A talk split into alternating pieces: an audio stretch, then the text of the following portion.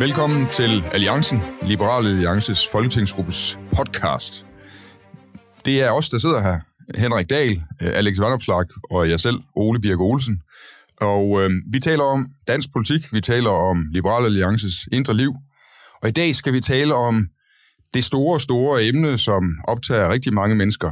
Kunne vi dog bare få en regering hen over midten? Altså en, hvor der både er socialdemokrater med, og venstrefolk, og konservative, og radikale, og Lars Lykke, og alt muligt. Og vi, lige inden vi gik i gang med at optage her, så kom der en ny meningsmåling ind, og Liberal Alliance ligger, som vi nu har for vane, over 4%. Men igen en måling, hvor der hverken er rent flertal til blå blok, eller rent flertal til rød blok. Øh, den eneste blok, der har flertal, det er den, der får lykke med på sin side.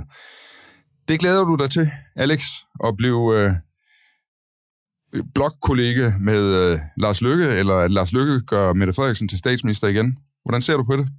Jeg ved ikke, om øh, lykken er gjort ved at være afhængig af lykke. Øh, det kan jeg godt være lidt skeptisk overfor. Men, men altså, skal jeg være helt ærlig, jeg synes faktisk, han har nogle gode politiske forslag i... Eller, uh, det er blevet lidt mudder på det seneste, men til at starte med, lagde han jo ud med at sige, at der var ligesom tre ting, han øh, gerne vil gøre noget ved. Det ene, det er at få sænket øh, skatter øh, både sådan i forhold til investeringer, kapitalbeskatning og også øh, personbeskatning, og så havde han noget med en top-top-skat, og hvad ved jeg, det var lidt mærkeligt. Øh, han vil gerne lave reformer af den offentlige sektor, og grundlæggende mener Lars Lykke faktisk, at kommunen ikke skal levere velfærd i fremtiden. Det skal være private, der gør det. Meget fornuftigt, så har han noget med medborgerskab og sådan noget. Jeg tror ikke på det der tvungen værnepligt, men, men der ligger noget i, okay, hvordan styrker vi civilsamfundet i Danmark? God borgerlig mærkesager. Nu er det så blevet lidt mudder, at han er kommet med det mest mærkelige, uforståelige skatteudspil nogensinde. Men Lars Løkke kommer til at stå med valget mm. efter valget, mellem at han kan pege på en blå regering og få noget af sin politik igennem, eller han kan vælge ikke at få noget som helst af sin politik igennem, men få indfriet sin drøm om, at Mette Frederiksen skal være statsminister med ham i en regering. Og øh, jeg tror, det ender med, at han vil støtte Blå Blok. Altså andet vil være meningsløst. Så jeg, jeg, jeg øh, er faktisk fortrystfuld. Jeg tror nok, Lars Løkke før eller siden skal, skal, skal se lyset. Øh, hvis ikke han gør det, så er han jo bare en del af Rød Blok. Men hvad med det her koncept, at, at folk de sådan tænker, åh, giv dog de store partier på hver side af den politiske midte, de kunne lade være med at slås imod hinanden, og i stedet finde sammen om at gøre det, der er bedst for Danmark. Hvad Men tænker det, du om det? Det er jo fordi, folk ikke har forstand på politik, tror jeg. Altså, der er, der er jo to problemer med det der. Det ene er jo, det kommer ikke til at fungere. De kommer jo til at dolke hinanden i ryggen, og øh, regeringen kommer til at holde maks et halvt år, og så er den død. Men det andet er også bare, jeg siger hvis, du ikke bare hvis... det, fordi du er bange for at blive holdt uden for indflydelse? Hvis nu Socialdemokrater og Venstrefolk og Konservative går sammen, så har de jo flertal uden uh, Liberal Alliance og uden Nye Borgerlige og uden øh, nogen andre end sig selv. Jamen, det kan man jo sige med alle mulige. Det har de jo også, hvis det er rød blok, der er flertal. Altså, øh, så vi har jo ikke særlig meget indflydelse lige nu. Jeg går jo op i, at vi får hævet ambitionsniveauet i dansk politik, så vi får lavet nogle reformer, der sikrer den nødvendige arbejdskraft på den lange bane, der fremtidssikrer vækst og velstand i Danmark, som grundlæggende tænker på, hvordan skal vi egentlig indrette et velfærdssamfund, der kan holde mange år frem. Og det, det kan jo ikke bare blive ved med sådan et, et velfærdssamfund, hvor der er mere eller mindre et offentligt monopol. Øh, flere og flere ressourcer bliver et op af administration, og folk er mere og mere utilfredse. Der skal vi have mod til at sige, okay, vi skal nytænke hele måden, vi indretter vores velfærdssamfund på. Og der har det sådan lidt, hvis man tror, at det kan lade sig gøre på midten af dansk politik, som Lars Lykke tror, jamen men så, så, så, så mener jeg, at man tager fejl. Fordi det, der sker det sekund, at politik bliver lavet på midten af dansk politik, det er jo, at ambitionsniveauet bliver fuldstændig suget ud af det, fordi det er store folkepartier, der er bange for at gøre en fagforeningsboss sur, eller nogle offentlige ansatte, eller nogle store erhvervsorganisationer, eller nogle store vælgergrupper. De tør jo ikke lave noget. Det er det, som Mette Frederiksen altså fremhæver. Det er jo det her, uha, se, hvordan vi gik sammen om det nationale kompromis, hvor vi ville bruge 2% af BNP på forsvar. Ikke så meget som en eneste kugle, eller et eneste gevær, eller en eneste skudsikker vest kunne, kunne de finde pengene til. Det hele er gældsfinansieret. Netop fordi det er inde på midten af dansk politik. Netop fordi det er på midten, så tør man ikke at tage de svære beslutninger. Så er sådan, hvis man ønsker borgerlig politik, så skal man frygte sådan en regering på midten, fordi det vil bare være sådan en socialdemokratisk suppedags. Henrik Dahl, du har igen skrevet en bog. Ved voksenbordet hedder den. Og øh, dem efter salgslisterne derude, så sælger den lige så godt som øh, duumruller på frokosttilbud ved siden af en dansk folkeskole. Æh, og det er godt. Der er også noget om midten i den, nogle betragtninger om midten. Hvad, hvad, hvad tænker du? Udgangspunktet for min bog er øh, historisk, fordi det er, at, at der er en norm i Danmark om, at bredt samarbejde er godt. Når danske politikere skal rose sig selv, så roser de sig selv for at lave brede aftaler. Og uanset hvem der er statsminister, så siger vedkommende i åbningstalen, at vi har lavet x antal procent, 70-80 procent af alle indgåede aftaler som brede fordi. Det siger vi i Danmark er godt. Og vi praler med det, når vi besøger andre landes parlamenter. Men det gør jo også bare, at man er nødt til at føre de andre partiers politik, øh, og det gør, at de politiske forskelle bliver udvandet. Altså når der er folketingsvalg, er der ikke noget at vælge imellem. Der skal der øh, hyres en ny administrerende direktør til, til Danmark, og, men, men, men medarbejderne fortsætter, og øh, tingene kører bare videre. Øh, det vi så får ud af det i virkeligheden, det er en masse dårlige reformer. Øhm, nu har jeg jo arbejdet rigtig meget med uddannelsespolitik i mange år, og, og den er jo kendetegnet ved, at noget af det værste, der kan ske, det er, at S og V bliver enige. Det, det er, når, når S og V bliver enige, så får man en dårlig reform. Fordi det, det er, er, er, bare sådan en nærmest en naturlov i, i dansk politik. Øhm, hvor man laver lappeløsninger, og hvor ambitionsniveauet går ned, og, og, og hvor man også sådan, øh, tit skaber mere byråkrati for at skjule, at man er uenig. Jeg må sige, jeg undrer mig også noget over den her forestilling om, at det er fra midten, at de nye idéer opstår og bliver presset igennem. Så hvis vi kigger på de senere årtiers øh, to største dagsordner, og man er velkommen til at mene, hvad man vil rent politisk om dem, men hvis vi analyserer dem sådan nøgternt, så, så starter vi i nullerne med en udlænding i dagsordenen, som fylder alt, øh, fylder rigtig meget hos vælgerne, og, og det er jo ikke fra midten, at der kommer løsningsforslag på udlændingepolitikken. Det er faktisk fra det yderste højre, øh, i hvert fald i udlændingepolitisk, nemlig Dansk Folkeparti, der byder sig til som katalysator for det, der findes ude i, i befolkningen. Det er udlændingepolitikken. Hvis vi så ser på det seneste valg, øh, som i høj grad kom til at handle om klima, som jo nu er den store dagsorden, så er det heller ikke øh, fra midten, at øh, de store ambitioner er kommet. Man kan selvfølgelig sige, at det radikale venstre har haft øh, nogen idéer om det her, øh, men, men det har jo i, også i meget høj grad været ja, Alternativet og Enhedslisten, der har været dagsordensættende i forhold til, at man skulle nå et stort reduktionsmål frem til 2030. Og det har de så i det røde bloksamarbejde overbevist øh, Socialdemokratiet som regeringsparti Det er jo en enorm god pointe, at den politiske produktudvikling, om man vil, den kommer fra mindre partier. Det ser du ofte, altså kvindekampen øh, kommer også fra mindre partier, og, og miljøbevægelsen øh, tilbage i 80'erne kom egentlig også fra nogle relativt små partier. Øh, og så bliver det til mainstream, og de store partier tager det til sig, men, men det er der, det kommer fra hvis man ser på andre lande, så havde man jo en stor koalition i Tyskland i rigtig mange år under Angela Merkel, og det var jo ikke sådan, at Tyskland blev sådan et, et, et, et sprudlende, velregeret øh, land, der blev lavet kæmpe store politikfejl, fordi man havde den der store koalition. Det beskyttede jo heller ikke mod ekstremisme. Altså, så, så, så der, der er ikke meget godt at sige om midten. Altså, der, man kan sige, det gode, man kan sige om midten, det er, det er der alle de institutionelle øh, interesser, de øh, sidder. De sidder i Socialdemokratiet, de sidder i Venstre, de sidder i et eller andet omfang også hos konservative. Øh, øh, og, og, og hvis man kunne få alle institutionelle interesser med på at lave noget om, så ville det jo være super godt. Men, men det, der ofte sker, det er jo, at de blokerer for det. Øh, lad os sige... Øh, Lad os tage for eksempel øh, udligningsreformen på kommunerne, altså der, hvor man opkrævede flere penge fra nogle kommuner og gav til nogle andre kommuner. Det fandt Venstre og Socialdemokratiet sammen om. Og det, de fandt sammen om, det var jo ikke, at man skulle gøre noget revolutionerende. Det var blot, at de kommuner, der havde Venstreborgmester, de skulle have flere penge, og de kommuner, der havde Socialdemokratisk borgmester, de skulle have flere penge. Øh, og det her, det synes jeg, der er sådan set ikke, helt... der er meget reformfantasi øh, i. Det er sådan set ja, bare at sikre interesser. Jamen altså, hvis man, hvis man skulle tage det system, vi har i forsvar, så er det jo designet til at levere levere stabilitet. Og det er der selvfølgelig mange administratorer, der godt kan lide, så centraladministrationen på Slottsholm synes godt om det, og ude i institutionerne synes man godt om det. Men det er jo også bare klart, at et, et system, der er bygget til at levere stabilitet, øh, Øh, det retter jo ikke op på store fejl. Det kommer jo aldrig til at tage et blankt stykke papir og starte forsvar. Det kommer jo kun til at lave, lave lappeløsninger. Øh, og, og den der drøm, man sådan har nogle gange øh, øh, som politiker med at tage det der blanke stykke papir, det kommer aldrig nogensinde til at ske på den her måde. Det er jo også derfor, at Mette Frederiksen har foreslået det med at sige, lad os starte helt forfra at lave en ny ældrelov. Og nu var jeg til en partilederdebat i dag hos Ældresagen, hvor hun gentog det. Ikke? Og jeg havde sådan lidt, at man skulle tro, at hun i opposition de sidste tre år. Øh, hvorfor har hun ikke gjort det? Og hun foreslog det først allerede for et år siden. Men der er jo en grund til, at det her op til valget, hun begynder at tale om det, fordi så er det jo en gratis omgang.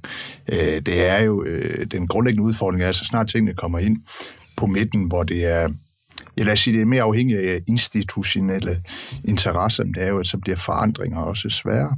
Altså det andet forslag, der, som regeringen også kom med, det her med lidt inspireret af Liberale Alliance, hver gang vi vedtager en regel, skal vi fjerne en, en anden. Det er jo glimrende forslag. Jeg tror aldrig nogensinde Socialdemokratiet kommer til at, til, at, til at ville gennemføre det. Altså, det, er noget, det siger de jo, de vil. Ja, jamen, det er jo bare noget, de siger jo. Altså, de, de, de, de kan jo ikke finde ud af at ændre på systemet, netop fordi de er systempartier, de er midterpartier. Så hvis man ønsker nogle ændringer, jamen så skal man jo stemme på nogle af fløjpartierne, hvad man ønsker en eller anden øh, socialistisk revolution, der skal gøre os alle sammen fattige og fastholde inflation i 100 år, eller en mere liberal øh, reform øh, tankegang øh, som, som vores, fordi hvis man skulle have noget igennem, som eksempelvis det her med, hver gang man vedtager en ny regel, skal man fjerne to, så skal det være fordi, at Liberale Alliance får det presset igennem med et blot flertal. Jo. Det kommer jo ikke til at være venstre konservativ heller, der, der kommer til at foreslå ja. det her. Men en anden lille interessant pointe ud fra det, du sagde, øh, eller det, det var dig, der sagde det, Ole, med, at det er egentlig Alternativet, der var med til at skubbe klimapolitikken i bestemt retning, og DF i forhold til, til udlændingepolitikken. Og, og der er også bare den interessante observation, at, at den største indflydelse ikke altid ligger der, hvor magten er størst. Altså, for hvis man formår at vinde en eller anden kulturkamp, eller få vælgerne med sig, så skal man virkelig rykke befolkning, og det sekund, du rykker befolkningen, så følger de store partier med som det tynde øl. Øh, vores eget eksempel er selvfølgelig Joachim B. Olsens øh, debat om fattig Karina tilbage i 2012.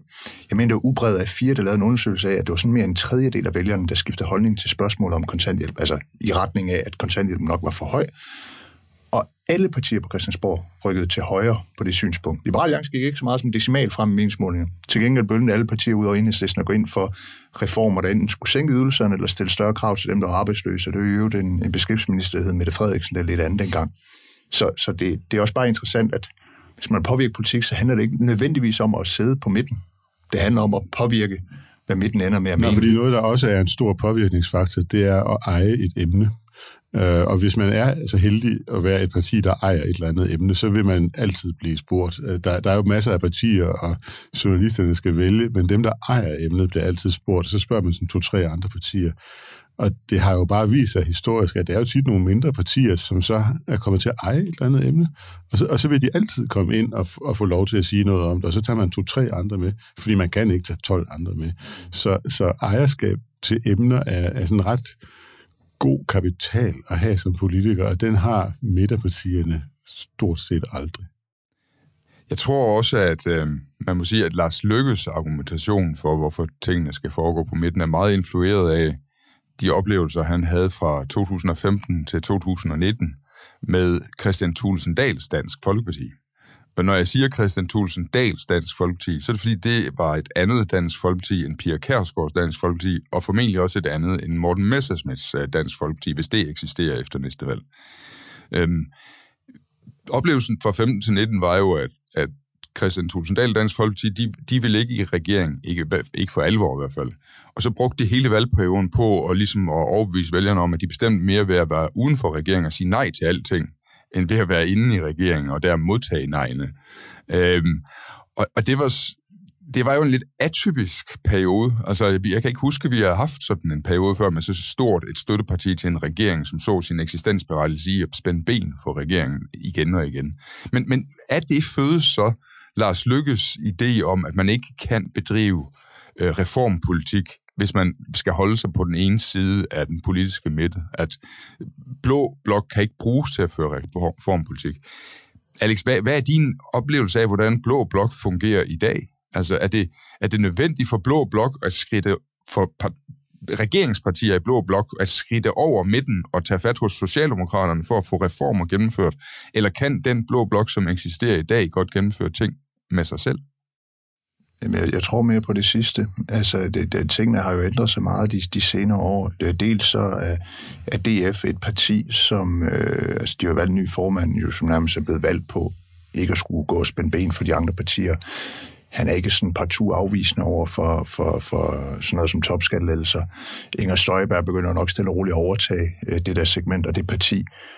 Og, og hvad angår reformer, tror jeg også, hun er mere øh, øh medgørlig. Vi har lige pludselig fået et nyt parti, Nye Borgerlige, som har og det mener jeg kun som en ros, kopieret store dele af vores økonomiske politik, og det skal de endelig gøre. Jeg håber, at alle partier på Christiansborg kopierer vores politik. Det er ikke noget, jeg bliver sur over. Øh, så der er jo nogle helt andre betingelser, og dertil, altså, når man læser medierne, kan man godt få indtryk af, at vi ikke kan få noget samarbejde i Blå Blok. Vi kan ikke engang få noget, hvem der skal være statsminister. Vi kan ikke enes om noget. Og jeg må bare sige, jeg tror, jeg ved det lidt bedre end journalister gør. Det er forkert. Vi har et rigtig godt og tillidsfuldt samarbejde. Vi kan enes om en del, og, og vi, vi, øh, vi er gode til at tale sammen, vi er gode til at samarbejde, så jeg er rimelig fortrøstningsfuld. Jeg tror, det eneste område, hvor jeg kan se, at Lars Lykke kan have en pointe, det er, at en udfordring hver gang, der kommer et borgerligt flertal, det er jo, at man har en umulig opposition, som ikke er villig til at tage ansvar. Og der sker jo det, når der er blå flertal, særligt hos de store partier, Venstre og på sigt sikkert også konservative, altså snart man sætter sig til bordet og skal lave øh, borgerlige reformer, særligt økonomiske reformer, så bliver man hunderej for, åh oh, nej, tænk så, hvis vi bliver anklaget for at være borgerlige af Socialdemokratiet. Tænk så, hvis vi bliver anklaget for at lave rødvinsreformer. Jeg har det sådan lidt, uanset hvad vi gør, så bliver vi jo anklaget for det. Men hvor jeg tror, Lars Lykkes tankegang, det er den, jamen hvis man så kan få Socialdemokratiet med, så, så, så dækker man den flanke af, og så øger det modet i de blå partier. Så er det spørgsmål om, okay, hvad er mest sandsynligt? er det, at, øh, at man øh, kan få Socialdemokratiet og Venstre til at møde sit ambitiøse projekt på midten, eller er det mere sandsynligt, at vi kan sige i Blå Blok, okay, nu har vi fået et flertal, vi har fået magten, nu fører vi ed og spark med borgerlig politik, og så må det bære eller brist fire år senere. Jeg tror mere på det sidste. Men må jeg ikke sige, altså jeg kan jo godt komme i tanke om nogle eksempler, hvor øh, de borgerlige partier og S går sammen om øh, projekter, som de har en strategisk interesse i, og hvor det giver nogle fordele, men de er ret sjældne. Altså kanslergadeforliget i 1933, som der ikke er nogen, der kan huske. Det er en social... på 2006, vel også. Det er en socialreform, der er kombineret med en, en uh, eksportreform, hvis man kan sige. Sådan en stor devaluering af kronen. Der er to strategiske interesser, som går op i en højere enhed. Og jeg mener egentlig også, at omlægningen af pensionssystemet omkring 1990, mm. hvor man erkender, at statskassen ikke har penge nok til folkepensionen. Og, og, og der er de borgerlige partier S i stand til strategisk at indse, at sådan er det. Og så laver de en ret fornuftig reform, som redder vores pensionssystem. Det er måske den øh, enkeltstående bedste reform, der er lavet de sidste 40 år i dansk politik. Det er fremragende, ja. fordi det er, så, det er så langsigtet. Og, og, og på det tidspunkt også nødvendigt. Men de fleste reformer er jo ikke sådan. Det er bare sådan nogle taktiske overvejelser, og så kan vi få lukket munden på nogen i næste uge. Mm. Og det giver ikke gode reformer. Ja, jeg får lyst til at, at gå et smut ud på Twitter, fordi der har øh, skabsælageren Rasmus Jarlov og når jeg siger skabselager, så er det ikke fordi, han, han er jo konservativ, det er han jo. Men han, han er lige så nørdet optaget af, hvad der er rigtigt og forkert, som øh, vi andre er. Og så er han også lidt liberal konservativ. Jo, jo, jo, han kan ikke lide formynderi og sådan noget. Ja, men han, han, han, han, har, han har et ondt horn i siden, hvis der er nogen, der skriver noget, som er forkert ude på nettet, og så skal det rettes. Og, og det er vi nogen, der godt kan se os selv i. Han skriver på Twitter, fakta, kolon, antallet af brede aftaler bestemmes mest af oppositionen, ikke af regeringen. Regeringer vil altid gerne have brede aftaler, da det, får den, da det får den til at se godt ud. Hvis oppositionen populistisk vil gavne sig selv, laver den ikke brede aftaler. Og det er efter min bedste overbevisning utrolig sandt, det her. Når, når det nogle gange kan være lidt sværere for borgerlige regeringer at lave brede aftaler, så er det fordi, lige så snart Socialdemokratiet kommer i opposition, så begynder de at føre visne politik. Altså selvom ting er gode, og selvom de selv ville gennemføre dem, hvis de var i regering, så vil de ikke gennemføre dem, når det er nogle andre, der er i regeringen end dem selv. Øhm, og så er det som om, der er nogen, der ligesom giver op over for det her faktum, øh, de radikale, øh, muligvis Lars Lykke, og siger, jamen når nu Socialdemokrater er så forfærdelige i opposition, og noget mere fornuftige, når de er i regering, så bliver vi nødt til at have dem i regering, i stedet for i opposition. Og jeg synes, det er jo en underlig logik, at den her destruktive adfærd, den skal belønnes med regeringsmagt af de radikale, og af eventuelt også af moderaterne. Altså, det, det ville da være bedre, hvis de sagde, jamen altså, hvis man ikke kan opføre sig ordentligt i opposition, så kan man altså heller ikke få lov til at være i regering. Så vi går altså med de blå. Men øh, Men, men det betyder meget, altså det der med, øh, altså for dem, der tager udgangspunkt, jamen vi skal have midten, og vi skal have hen over midten, altså at, at Socialdemokratiet fylder så meget hos dem, og at Socialdemokratiet i så høj grad får lov til at sætte dagsordenen, synes jeg. Jamen det er rigtigt. Og vi, vores parti har jo bare en anden historie, fordi vi har jo øh, kapitaliseret rigtig meget på at komme i opposition. Og der tænker jeg jo for eksempel på, da vi blev ude af folkeskoleforliget. Det var jo guld for os i mange år. Fordi der spiller vi jo sådan lidt på den lodseddel, at det vil gå galt. Og så kommer lodsedlen jo ud, fordi det går galt. Og så kan vi jo sige noget af det bedste, man kan sige i politik, nemlig, hvad sagde jeg? Og det er jo altid skønt at stå nede i folketingssalen og sige, hvad sagde jeg? Og det har vi jo kunne gøre i mange år, og det har vi haft masser af gavn af. Nå, men det skal man jo også gøre, når det, det, der ligger på bordet, er sådan et produkt af en eller anden øh, tænkning, der er foregået i en boble i, i en socialdemokratisk studiekreds, som for eksempel folkeskolereformen med Christine Antorini i spidsen. Når hende kender du jo rigtig godt, Henrik. Øh, jo. Men, men, men så skal man jo sige nej til det. Øh, men det er, det er jo noget andet, det som Socialdemokratiet gør en gang imellem, hvor, hvor ting, som er super fornuftige, øh, ikke får Socialdemokratiets støtte, når de er opposition, men som de godt kunne finde på at gennemføre, når de er i regering, synes jeg. Altså, vi, vi gjorde jo det rigtige der, gjorde vi ikke? Jo, altså, men, men, men du har jo ret, men, men altså, jeg, jeg sidder sådan og tænker og siger, jo, man, man, man har lyst til at, til at sige det, du siger lidt højere, fordi det, det er rigtig skurkagtigt at opføre sig på den måde. Altså, jeg har da også siddet til forhandlinger sådan lige efter regeringsskiftet, hvor den nye regering genfremsætter et eller andet reformforslag, som Socialdemokraterne ikke er kommet igennem, men så hen over sommerferien, så er de bare blevet imod. vi skulle lave en reform af servicelån for nogle år siden, og det var mere eller mindre genbrug for den socialdemokratiske regering, men lige pludselig var det bare enormt dårligt, vi kom. ja, men der, men der er jo den her... Man, altså, man ville jo ønske, at alle politikere kunne, kunne gå til alle sager efter substansen. Altså, er det her godt, eller er det skidt? Hvis det er godt, så støtter vi det. Hvis det er skidt, så er vi imod det. Men der er bare rigtig meget øh, magtkamp i politik.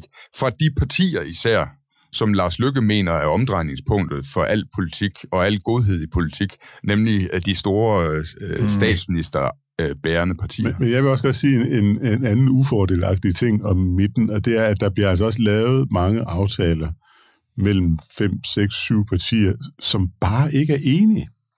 Og så skriver man så ud af, at man ikke er enig ved at skrive et eller andet togesnak.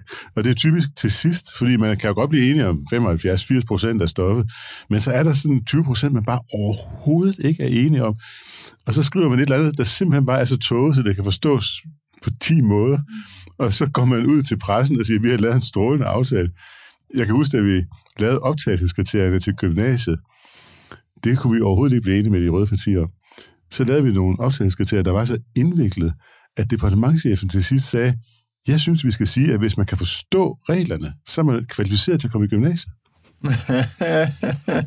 det var jo rigtigt, så det var ondt sagt til politikerne. Og, og de der tågede regler, de skaber byråkrati. Altså, så skal centralversionen have en masse besvær, den enkelte gymnasium skal have en masse besvær, men der er ingen mennesker, der kan forstå det. Og det er også det, du får ud af midten. Altså, det er for dårlige reformer, og du får sådan nogle tågede aftaler, der kan fortolkes på en utal af måde. Lad os prøve at lave nogle spotter om, om øh, hvorvidt vi får en regering efter næste valg, som består af både Socialdemokratiet, øh, Venstre, Konservative, Radikale, øh, Moderaterne. En, en afart af den slags partier.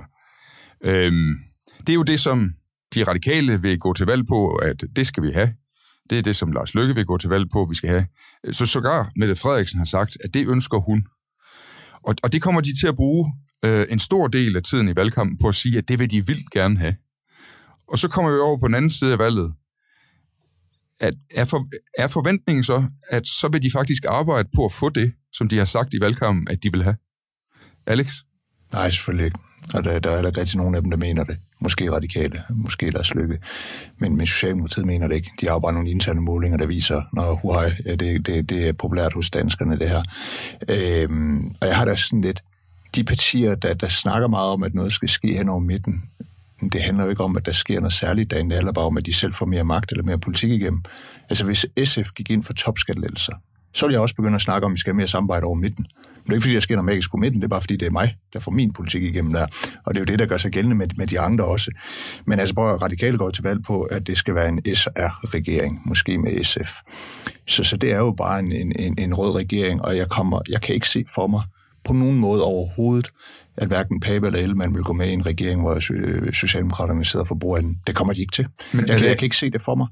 Øh, og jeg kan ikke se, hvilket flertal der skulle være. Altså, det kan godt være, at Lars Løkke vil gå med i en regering med Mette Frederiksen, men øh, jeg vil se det, før jeg tror det. Men, men er det, det, du siger, er det, at selvom vi har det store Socialdemokrati, som i dag er det største parti i dansk politik, vi har de radikale med deres 100 år gamle, mere end 100 år gamle historie.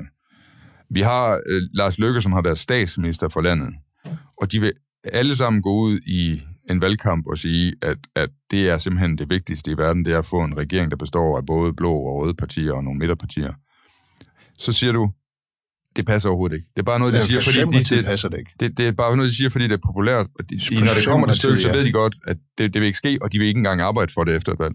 Nej, Socialdemokratiet kommer ikke til at arbejde for det. De kommer til at kæmpe med næb og klør for, at det bliver en ren S-regering, så de kan fortsætte deres magtfuldkommende stil. Og jeg tror ikke, de gider have Sofie Carsten Nielsen med. Så for S er det ren og skær bluff. Og for radikale viser det sig at være, øh, det kommer til at vise sig at være umuligt jo. Fordi hvis, hvis der skal ske et eller andet øh, magisk hen over midten, de kan jo ikke komme udenom, på en eller anden måde, så, så skal man enten få øh, Jacob Ellemann til at pege på Mette Frederiksen. Goddag, mand, jeg vil gerne se det, før jeg tror det. Eller også skal man basere sit flertal på Danmarksdemokraterne nye borgerlige. Altså, det kommer heller ikke til at ske jo. Så, så det, det, det er jo bare en ligning, der ikke kan gå op, men det lyder smart, det lyder lækkert, for nu at citere dig. Det ja. lyder lækkert, men det er ikke særlig klogt. Men sporene skræmmer jo også, fordi vi, vi havde en SV-regering fra 1978 til 1979, og det, som slog den ihjel, det var mistillid. Ja, altså, det var simpelthen, at der var så stor mistillid mellem dem, der deltog, at, at, de, at de kontrollerede hinanden, så hver eneste S-minister havde ligesom en, en slags oppasser i V, der bare holdt øje med S-ministeren og vice versa, og de havde ingen tillid til hinanden.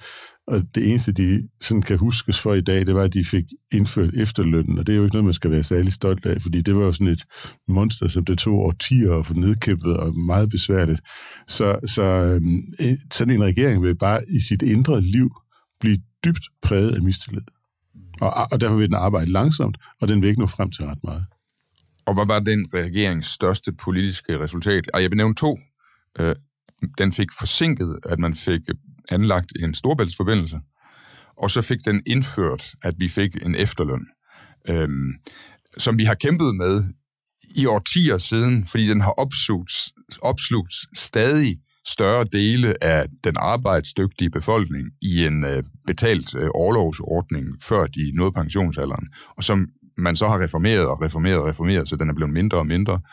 Øh, det, altså de politiske resultater for den regering, de, var, de tåler ikke dagens lys. De var så ringe, at, at det er helt forfærdeligt at tænke på. Er der nogen øh, politikere, der har altså vidderligt et reelt ønske om at øh, sidde i en regering sammen med øh, både venstrefolk og socialdemokrater og konservative? Altså, tror du ikke, man... radikaler har? Tror du ikke, de mener det? Jo, måske. Jeg, jeg, jeg, jeg, jeg tror, de mener det. Jeg kan bare ikke få ligningen til at gå op. Altså. Må jeg godt vente om, altså lidt ligesom med pensionen. Altså jeg vil sige, at hvis man teoretisk forestillede sig, at man turde at lave store reformer, så skulle de store partier tage hinanden gensidigt i ed på det. Øh, det er den eneste måde, man kan lave meget store reformer på.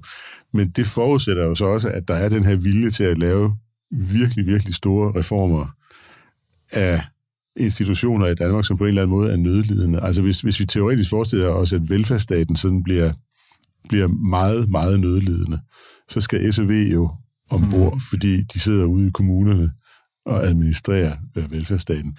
Men det vil jo bygge på noget, som aldrig kommer til at ske, nemlig en, en ægte vilje til at lave store reformer. Det gør folk kun, når de har prøvet alt andet. Tak for det.